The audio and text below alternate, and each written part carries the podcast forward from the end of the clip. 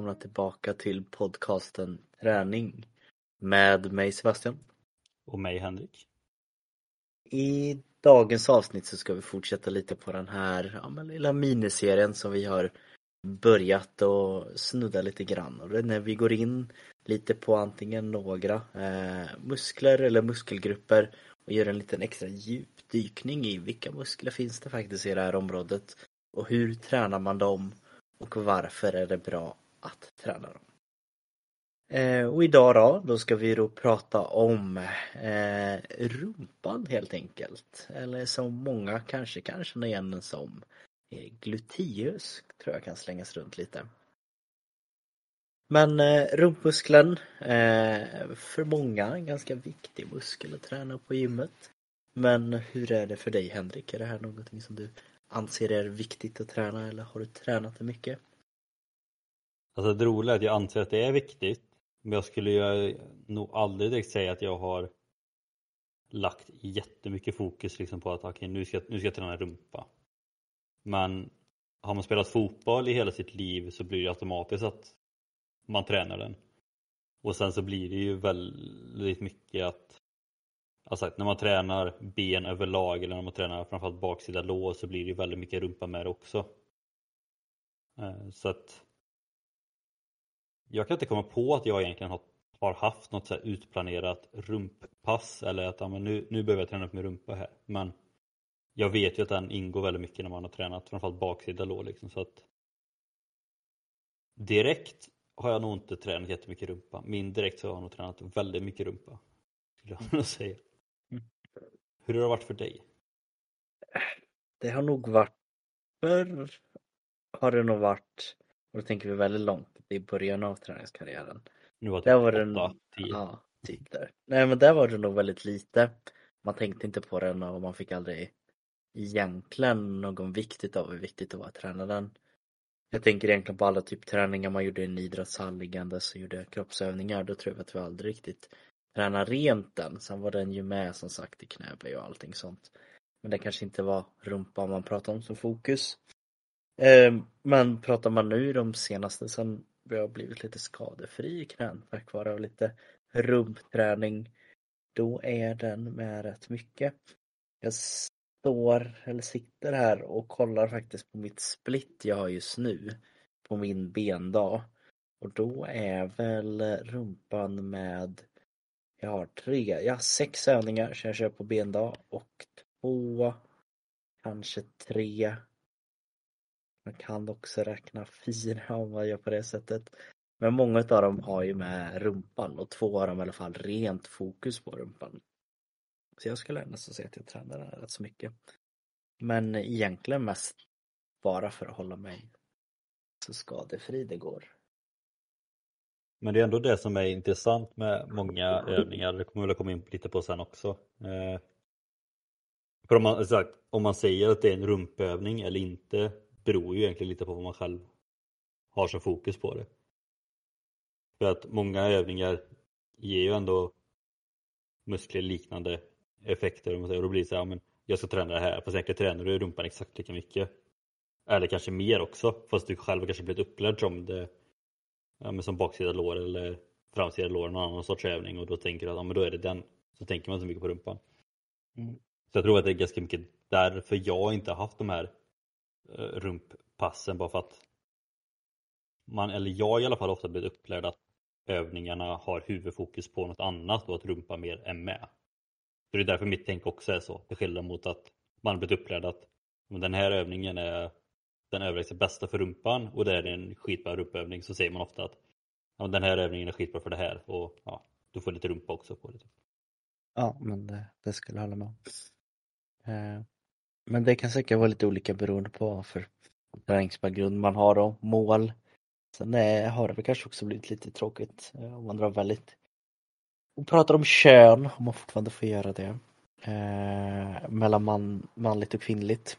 Eh, så är det kanske blivit lite stigma för, för många män att säga att man ska träna rumpa skulle jag säga. Eh, även om det kanske är väldigt viktigt i många av de här sporterna eh, som man tänker då att man blir introducerad till träning i typ som fotboll handboll och hockey tar det. Där, där behövs den väldigt mycket vara med. Ja, men det, alltså, det känns ändå som att det har alltså, släppt ganska fort på ganska kort tid. För jag vet också, alltså när jag började träna då hörde man ju inte någon kille bara nu ska jag gå och träna rumpa liksom. Men nu känns det ändå som att det liksom ändå är ganska vanligt att man hör liksom att ja, men, ja, men jag vill ändå ha en snygg rumpa liksom eller en fast rumpa, en stark rumpa. Mm.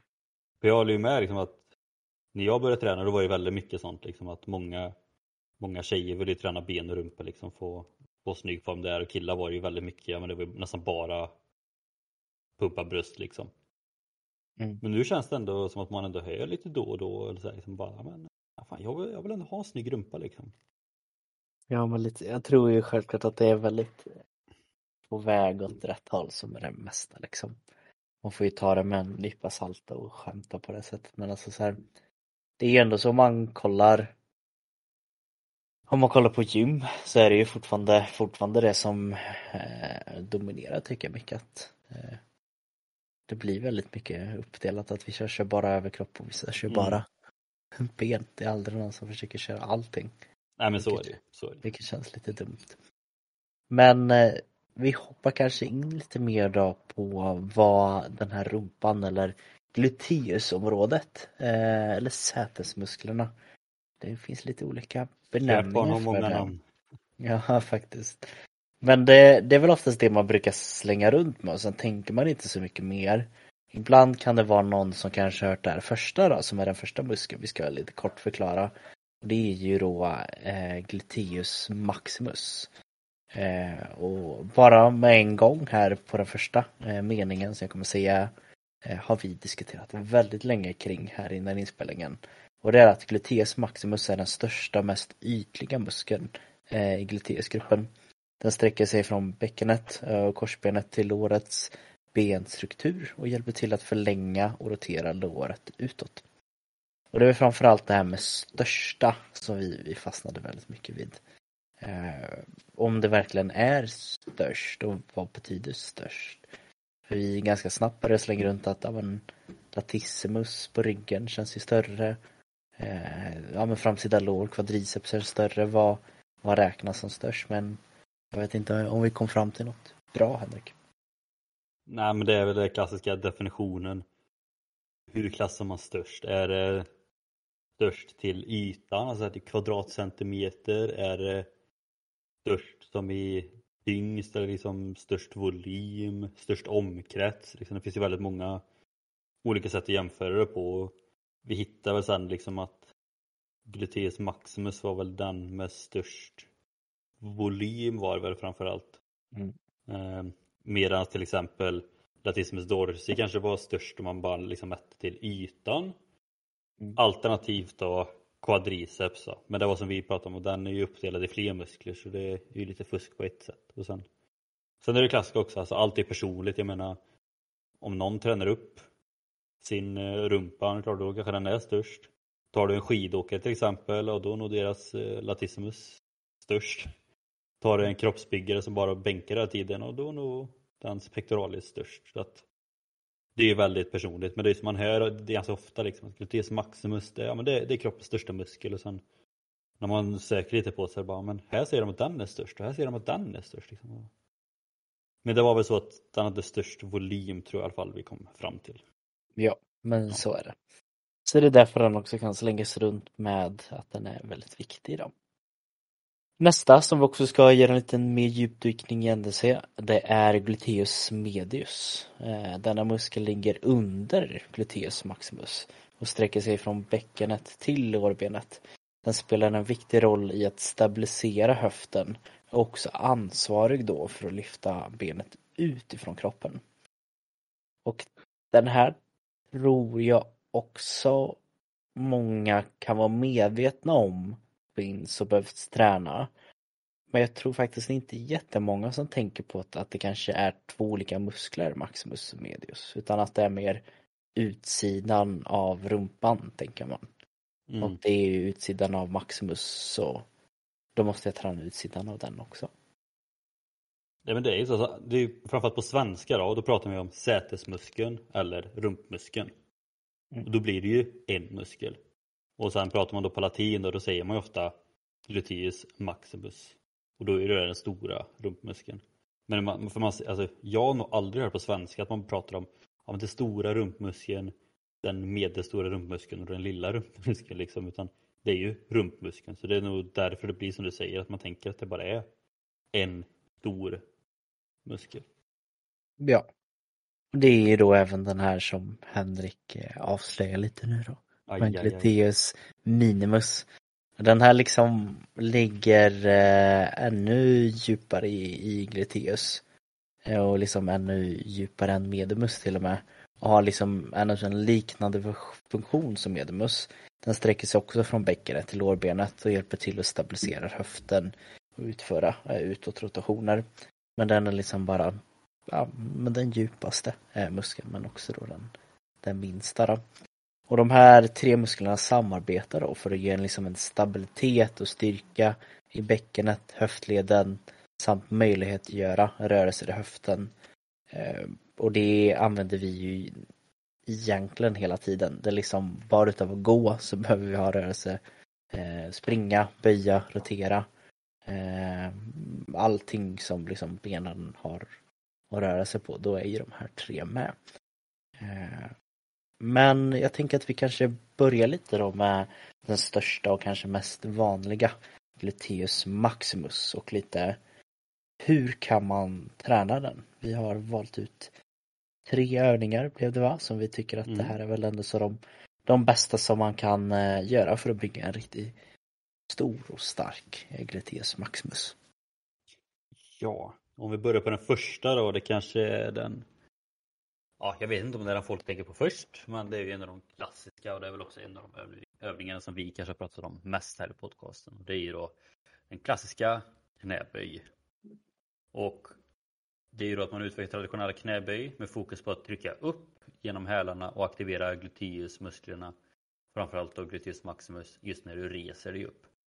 Så det är ju egentligen från uppläget och framförallt slutläget då att du verkligen pressar fram höften och spänner skinkorna. Så att det är mycket det som blir med gluteusmusklerna överlag, framförallt maximus då, liksom att när du väl trycker fram höften i ett slutläge, det är liksom det är där, det läget att om man höften bak, fram till slutläget, där får du väldigt mycket effekt eh, på gluteus maximus.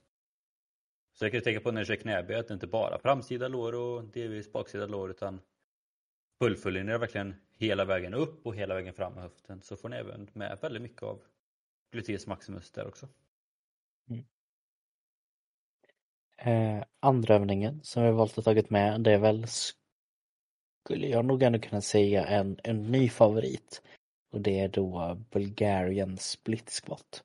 Eh, man kan säga att det är i form av ett utfallssteg men att man står då fast eller stilla i samma position eh, och ska göra det här utfallet. Eh, där så är det väl egentligen då mest fokus på och försöka pressa ner eh, främre benet, ja men foten där liksom. Tänk att man ska pressa den genom marken eller där man står på för att känna verkligen hur eh, gluteus aktiveras optimalt. Men även som Henrik sa liksom i första knäböjen där att man slutför hela rörelsen och inte stannar halvvägs utan man sträcker ut höften helt och hållet. Då. Mm. Alltså det skulle jag säga, att bygga en splitskott det är en väldigt underskattad övning överlag. Ja. Det, jag tror den... Fast jag ska nog säga att jag har sett den köras väldigt, väldigt mycket nu det sista. Jag tror det är därför också jag har sett att den körs väldigt mycket nu det sista. Jag skulle nog kunna säga att det beror väldigt mycket på att det har nog ändå så fått en förståelse över hur att den går att ja, men, träffa liksom gluteus lite bättre än vanliga eh, utfallssteg skulle jag säga. För vanliga utfallssteg har ju faktiskt ett rörelsemoment i sig vilket gör att man får lite sämre balans vilket gör att man, eh, ja, man har lite svårare att hitta just kontakten. Och i och med att det har blivit väldigt inne då både bland män och kvinnor och liksom jobba mer åt bodybuilding-hållet så handlar det ju väldigt mycket om att känna kontakt eller känna av att man jobbar muskeln. Och det är, det är ju egentligen det enda som pratas om för man går ut på sociala medier så är det att men här hittar jag bäst kontakt eller här känner jag mest eller här får jag bäst resultat på grund av kontakten eller aktiveringen. Um, sen kan det ju också då bara vara för att uh, ja men den är inne nu kanske. Jag kan tänka mig att även övningar har att de är inne mm. på ett sätt. Men jag tycker faktiskt att jag ser den väldigt mycket. Både i gymmet och Instagram och TikTok. Sen är ju du på gym mer än vad jag också men för jag har verkligen så, alltså, jag glömmer typ bort att den finns och sen varje gång man kör den så inser man liksom hur mycket den verkligen ger. Mm. Sen gillar jag den också väldigt mycket just för att den är det blir liksom ett ben i taget. Mm. För det kan jag tycka är väldigt mysigt. Många andra klassiska liksom ben och rumpövningar liksom att det är väldigt mycket med båda benen vilket gör att det är svårt att få samma effekt på det liksom. Men genom böljarens split squat så kan du ändå jämföra också och se hur stark man är på höger kontra vänstersidan. Ja men verkligen. Bra. Tredje övningen vi har på gluteus maximus det är hip thrust eller höftlyft som man kan säga på svenska. Och det går också att göra på lite olika sätt. Eh, antingen ska man ligga på rygg med breda knän, placera fötterna på marken och lyft höften, höften uppåt genom att pressa genom hälarna. Och detta är en utmärkt övning för att aktivera och stärka gluteus maximus. Och det tror jag väl att det är någon som de flesta som har på med någon form av ja, lagidrott eller idrott överlag eller idrott i skolan testat just, just den klassiska att man ligger på rygg och pressar rumpan och höften uppåt. Det man kan göra också om man vill ta det till en ny nivå är ju att köra med skivstång. Då lägger man liksom ryggen, axlarna på en bänk eller något stabilt bakom sig. Så lägger man skivstången på höften, ska man lägga på lite vikt och egentligen exakt samma där så att man verkligen pressar eh, upp till låsläge och verkligen pressar hela vägen upp. Och det är samma sak där som på knäböj, liksom att kommer du hela vägen upp och du verkligen känner att du kommer upp och låser höften och spänner skinkorna så tycker jag att den kanske är den man också jag tycker i alla fall att jag får bäst kontakt i gluteus maximus när jag kör den just för att det blir ganska tungt men också att du verkligen måste spänna skinkorna för att kunna nå slutläget på den. Jo, men det den är ju lite en klass för sig skulle jag säga faktiskt. Ja. Eh, och att den liksom går en och så och få med typ den positiva effekten som Bulgariens split squat har, att man kör på ett ben i taget, går ju faktiskt att göra på en vanlig höftlyft också.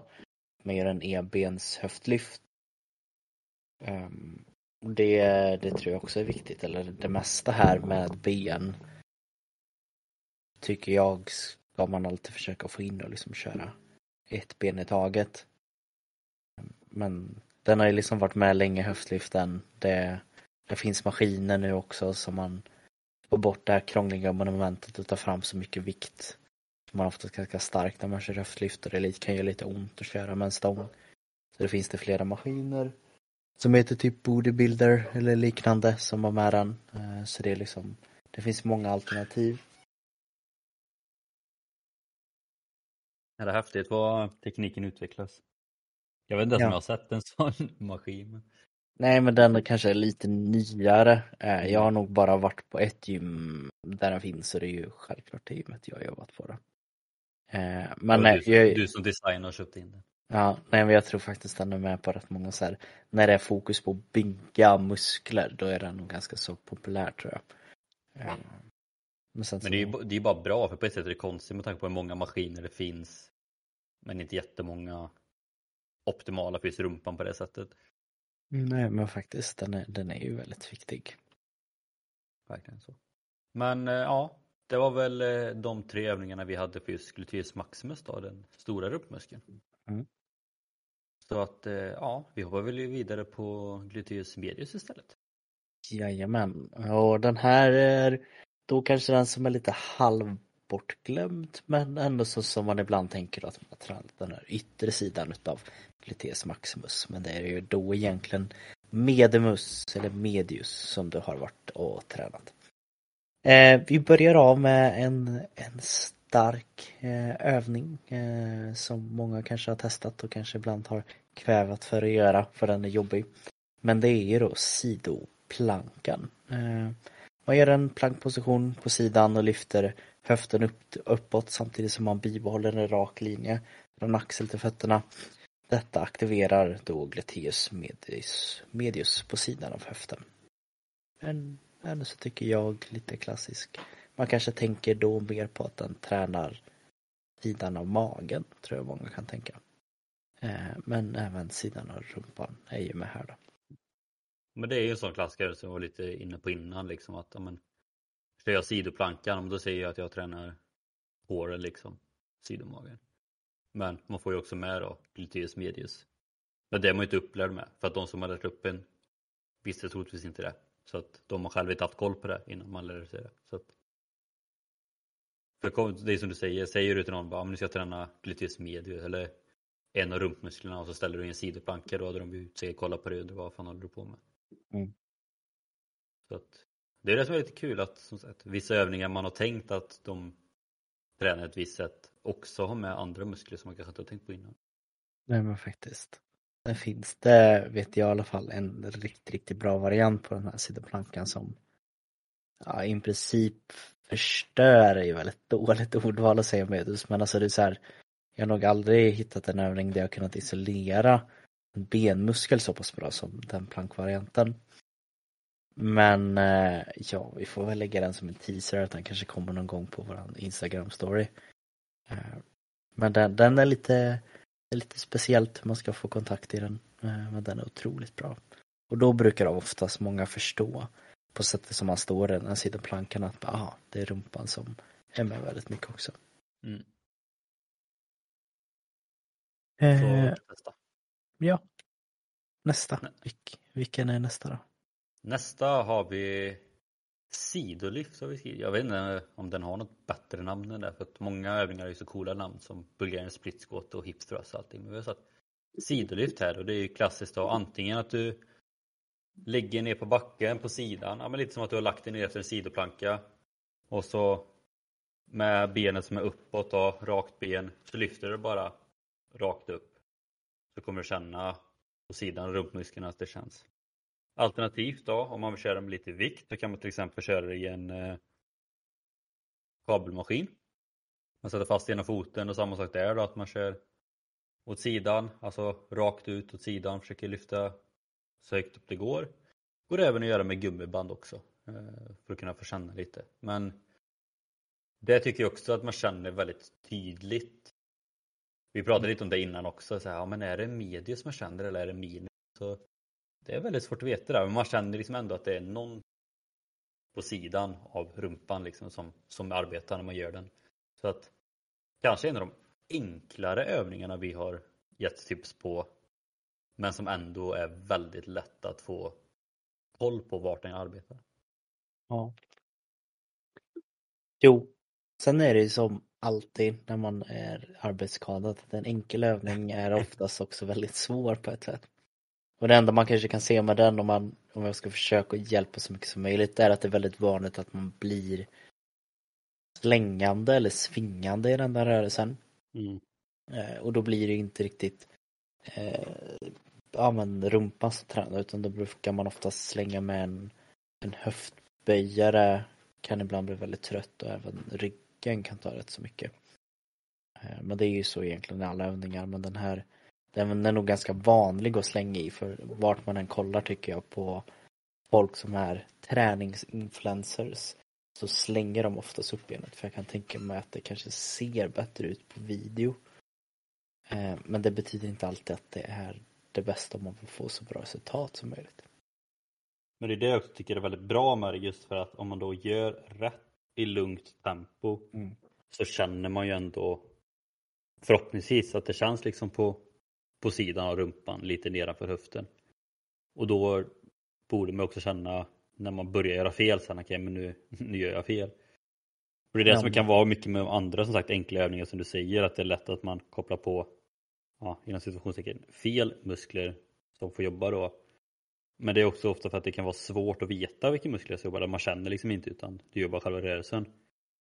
Eh, och nu säger inte jag, nu vet inte jag om det är så för alla, för det, vissa kan ju också ha svårt att hitta gluteus medius men Ja, när jag gör den övningen för brukar jag åtminstone känna liksom, okej okay, men nu, nu tar det det jag vill eller tror att det ska ta liksom.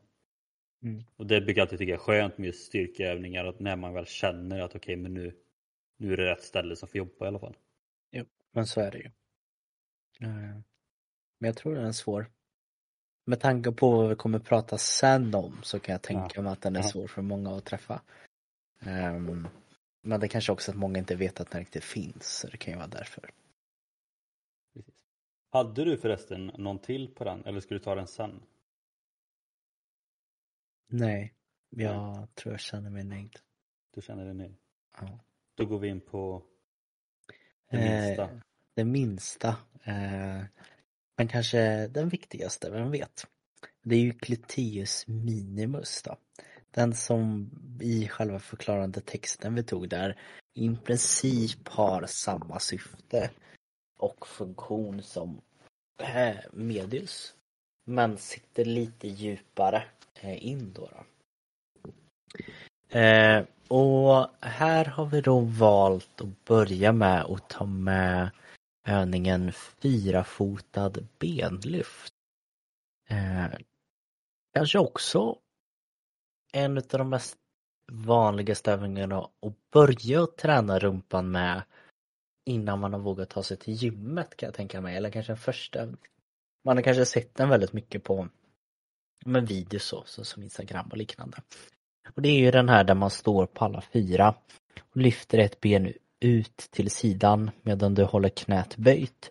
Du aktiverar eh, gluteus minimus på utsidan av höften. Och den kan ibland även göras med gummiband har jag sett. Eh, och lite liknande.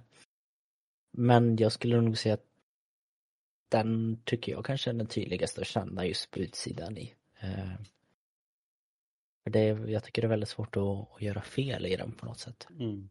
Den är också jobbigare än vad man tror att den borde vara. Ja, och man blir väldigt väl medveten om att oj, jag behöver nog träna det här. Ja. När, när man i princip nästan som jag gör nu också nästan hånar övningen och säger haha det där är första övning, det är en nybörjarövning.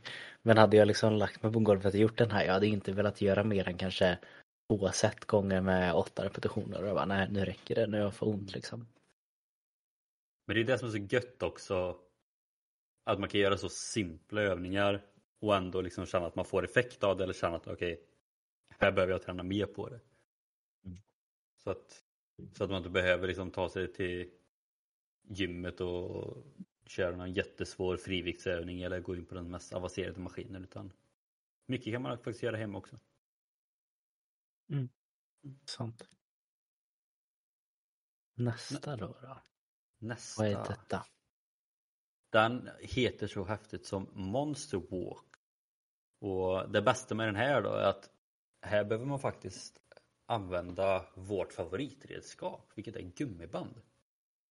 Det är så att du placerar ett miniband runt vristerna och så går du framåt med små steg samtidigt som du håller spänning i bandet och detta aktiverar då gluteus minimus. Så att du spänner ut bandet så att det är spänt hela tiden och som vanligt du pressar liksom knäna utåt och sen tar du liksom små ja, nästan lite sneda steg framåt så att gummibandet hela tiden är spänt.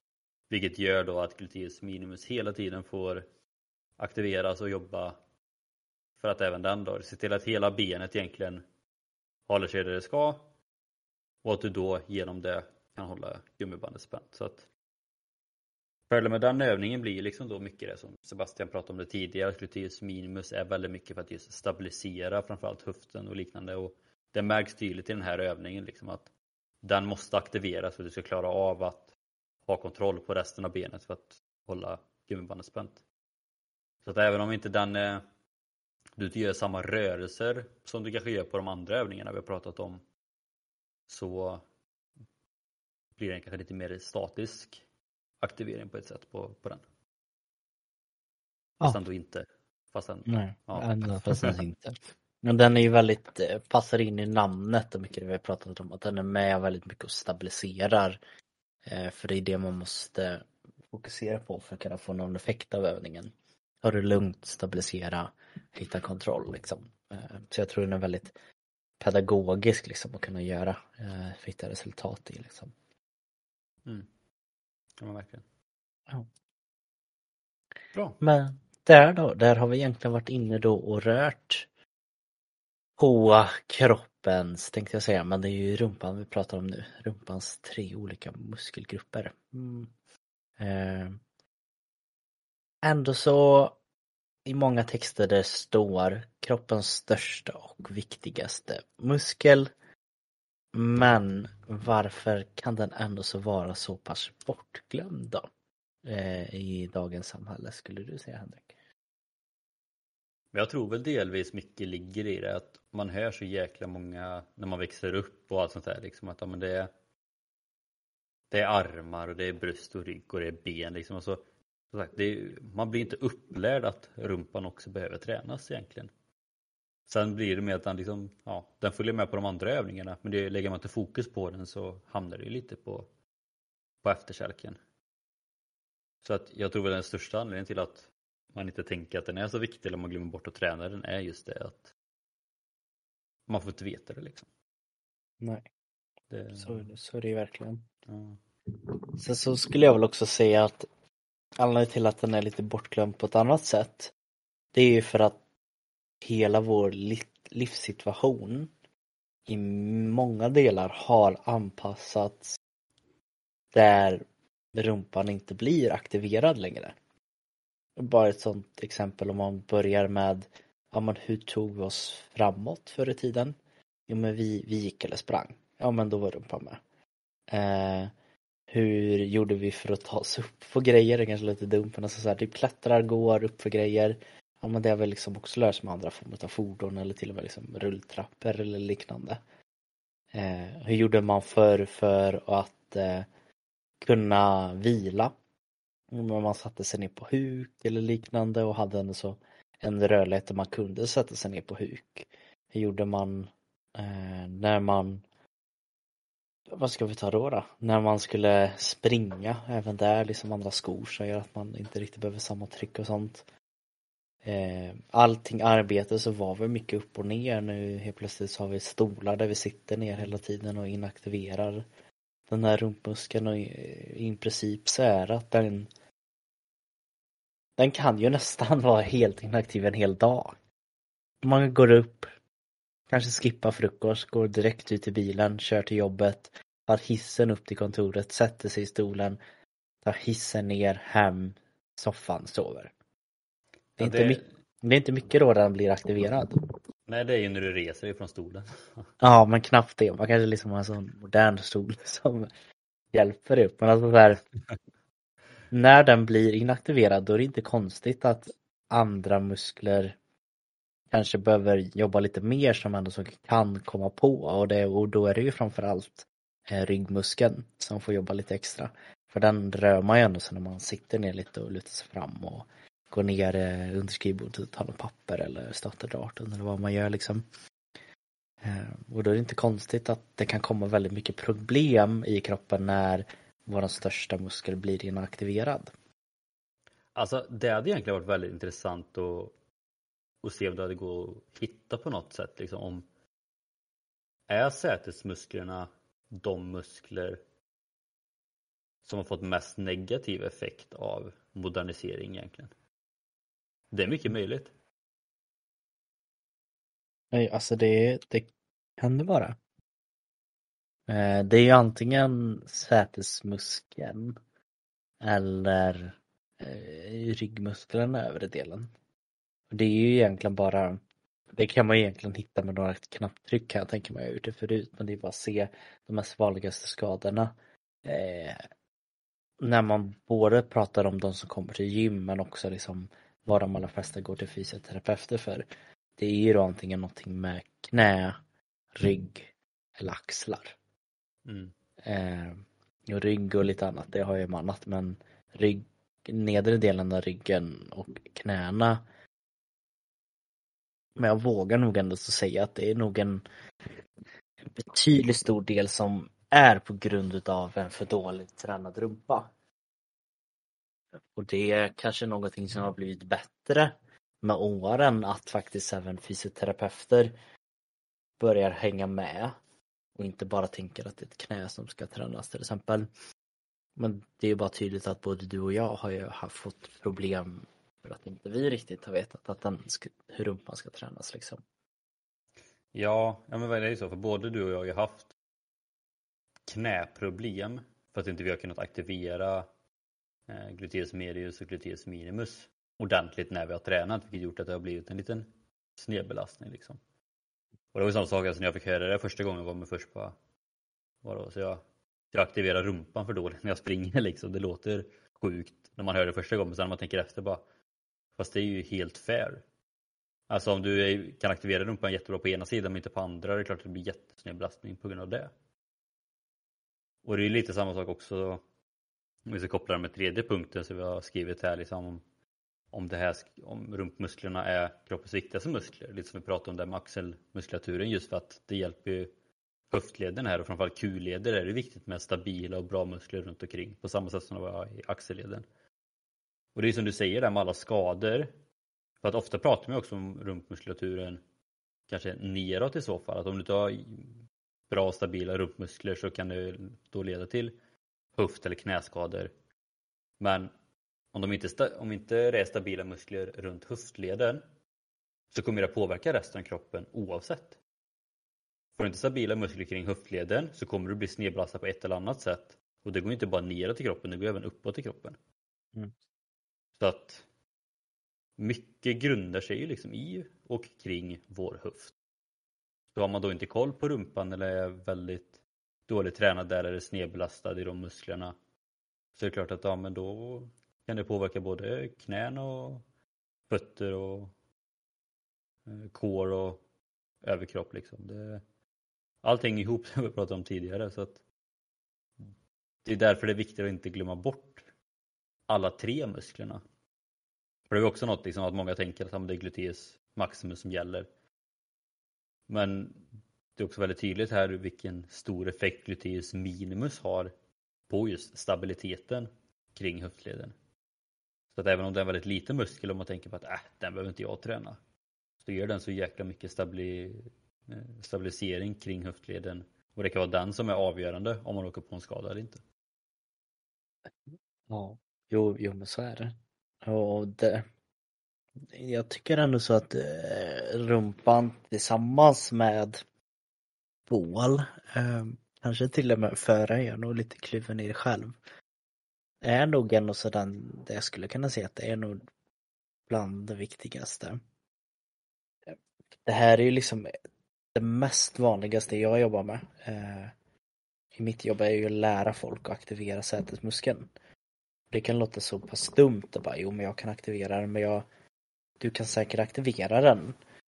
Men jag är också väldigt säker på att majoriteten av de som säger att de kan aktivera sätesmuskeln aktiverar den också i fel ordning när man gör eh, en gång eller vad som helst egentligen där vi, där vi rör oss. För det är väldigt, väldigt vanligt med sättet vi har levt idag att vi har en felkoppling i hur vi aktiverar sätes.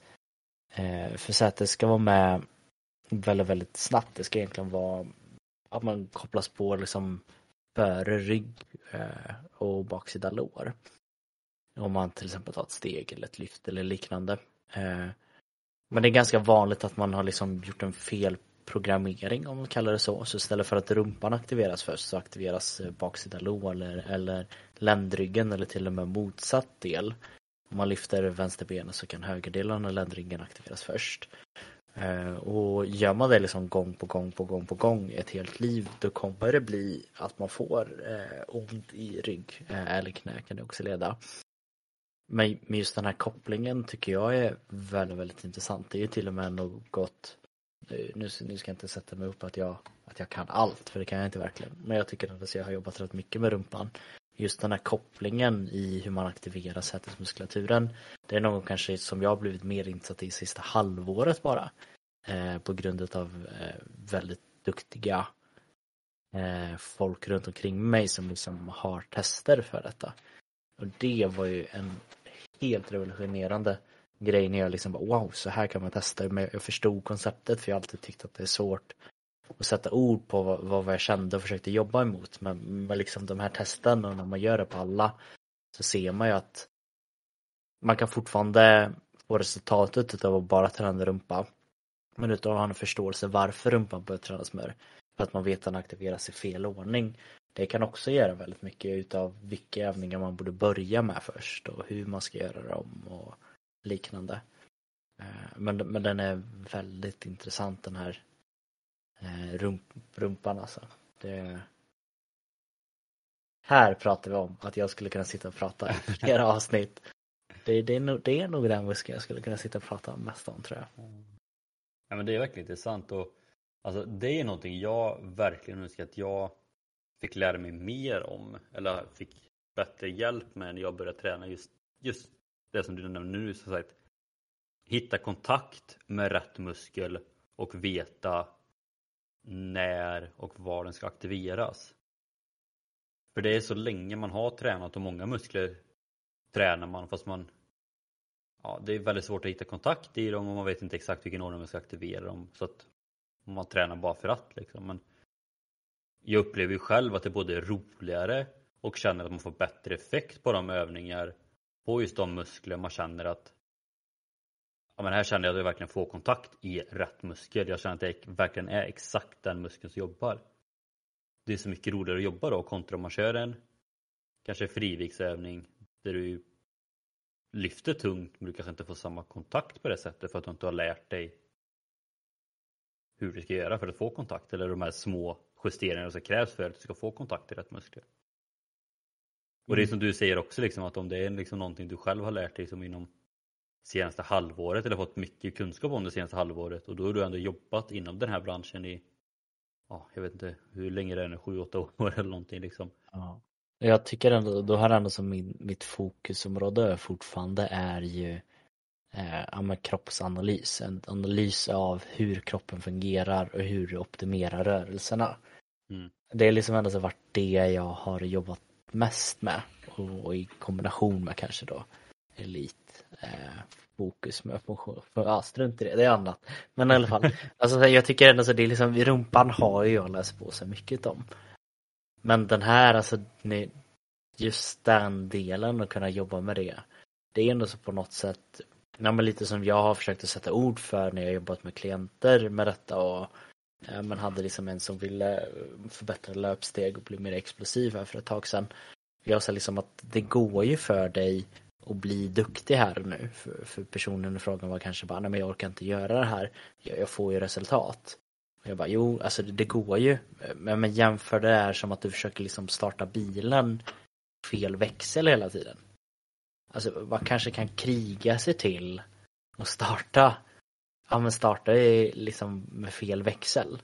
Och har du lite tur kanske det är en nedförsbacke och då har du lite mer valmöjligheter.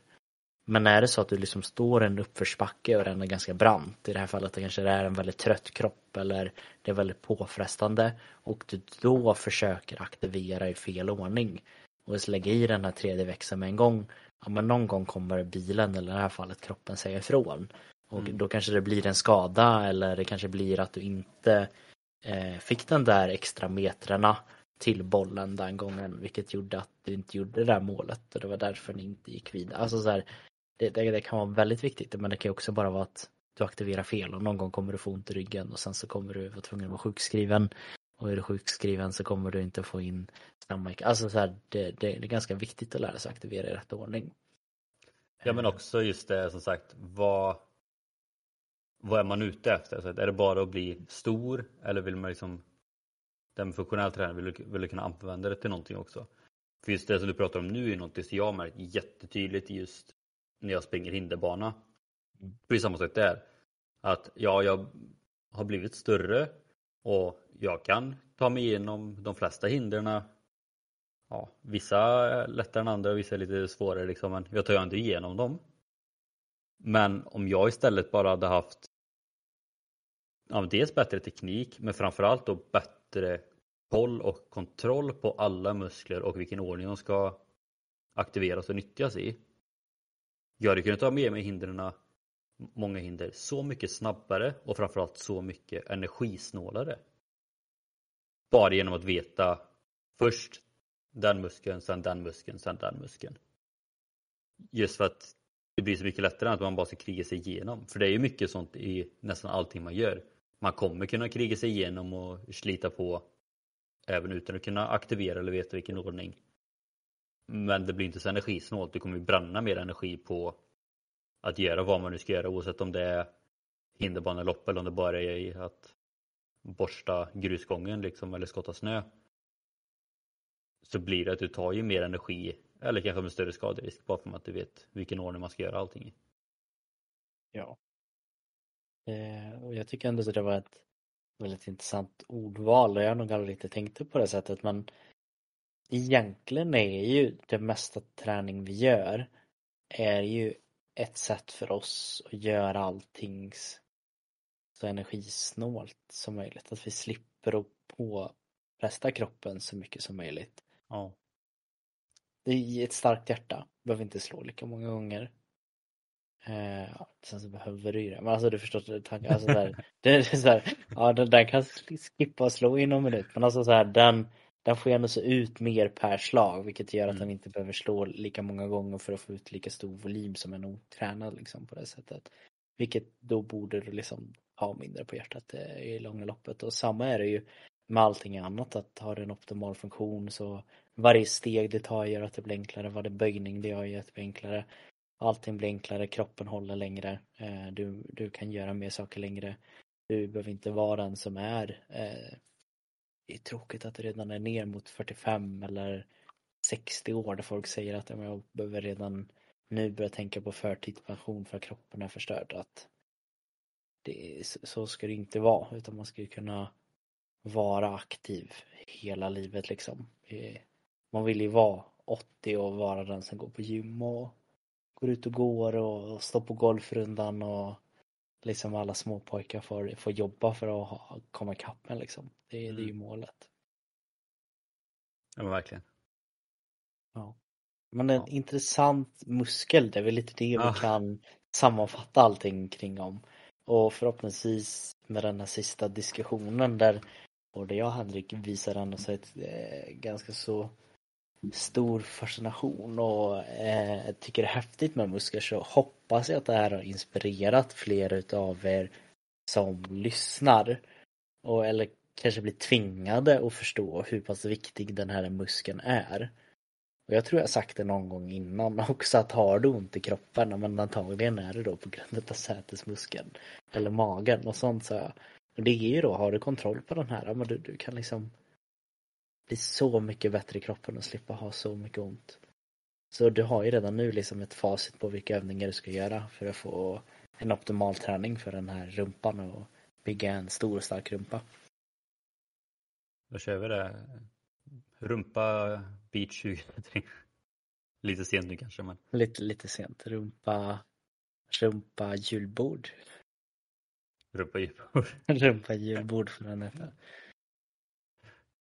Nej, ja. men ni, ni kan hålla utkik på våran Instagram då, ett Traning Podcast och kolla lite efter lite övningstips och sånt eh, för rumpan.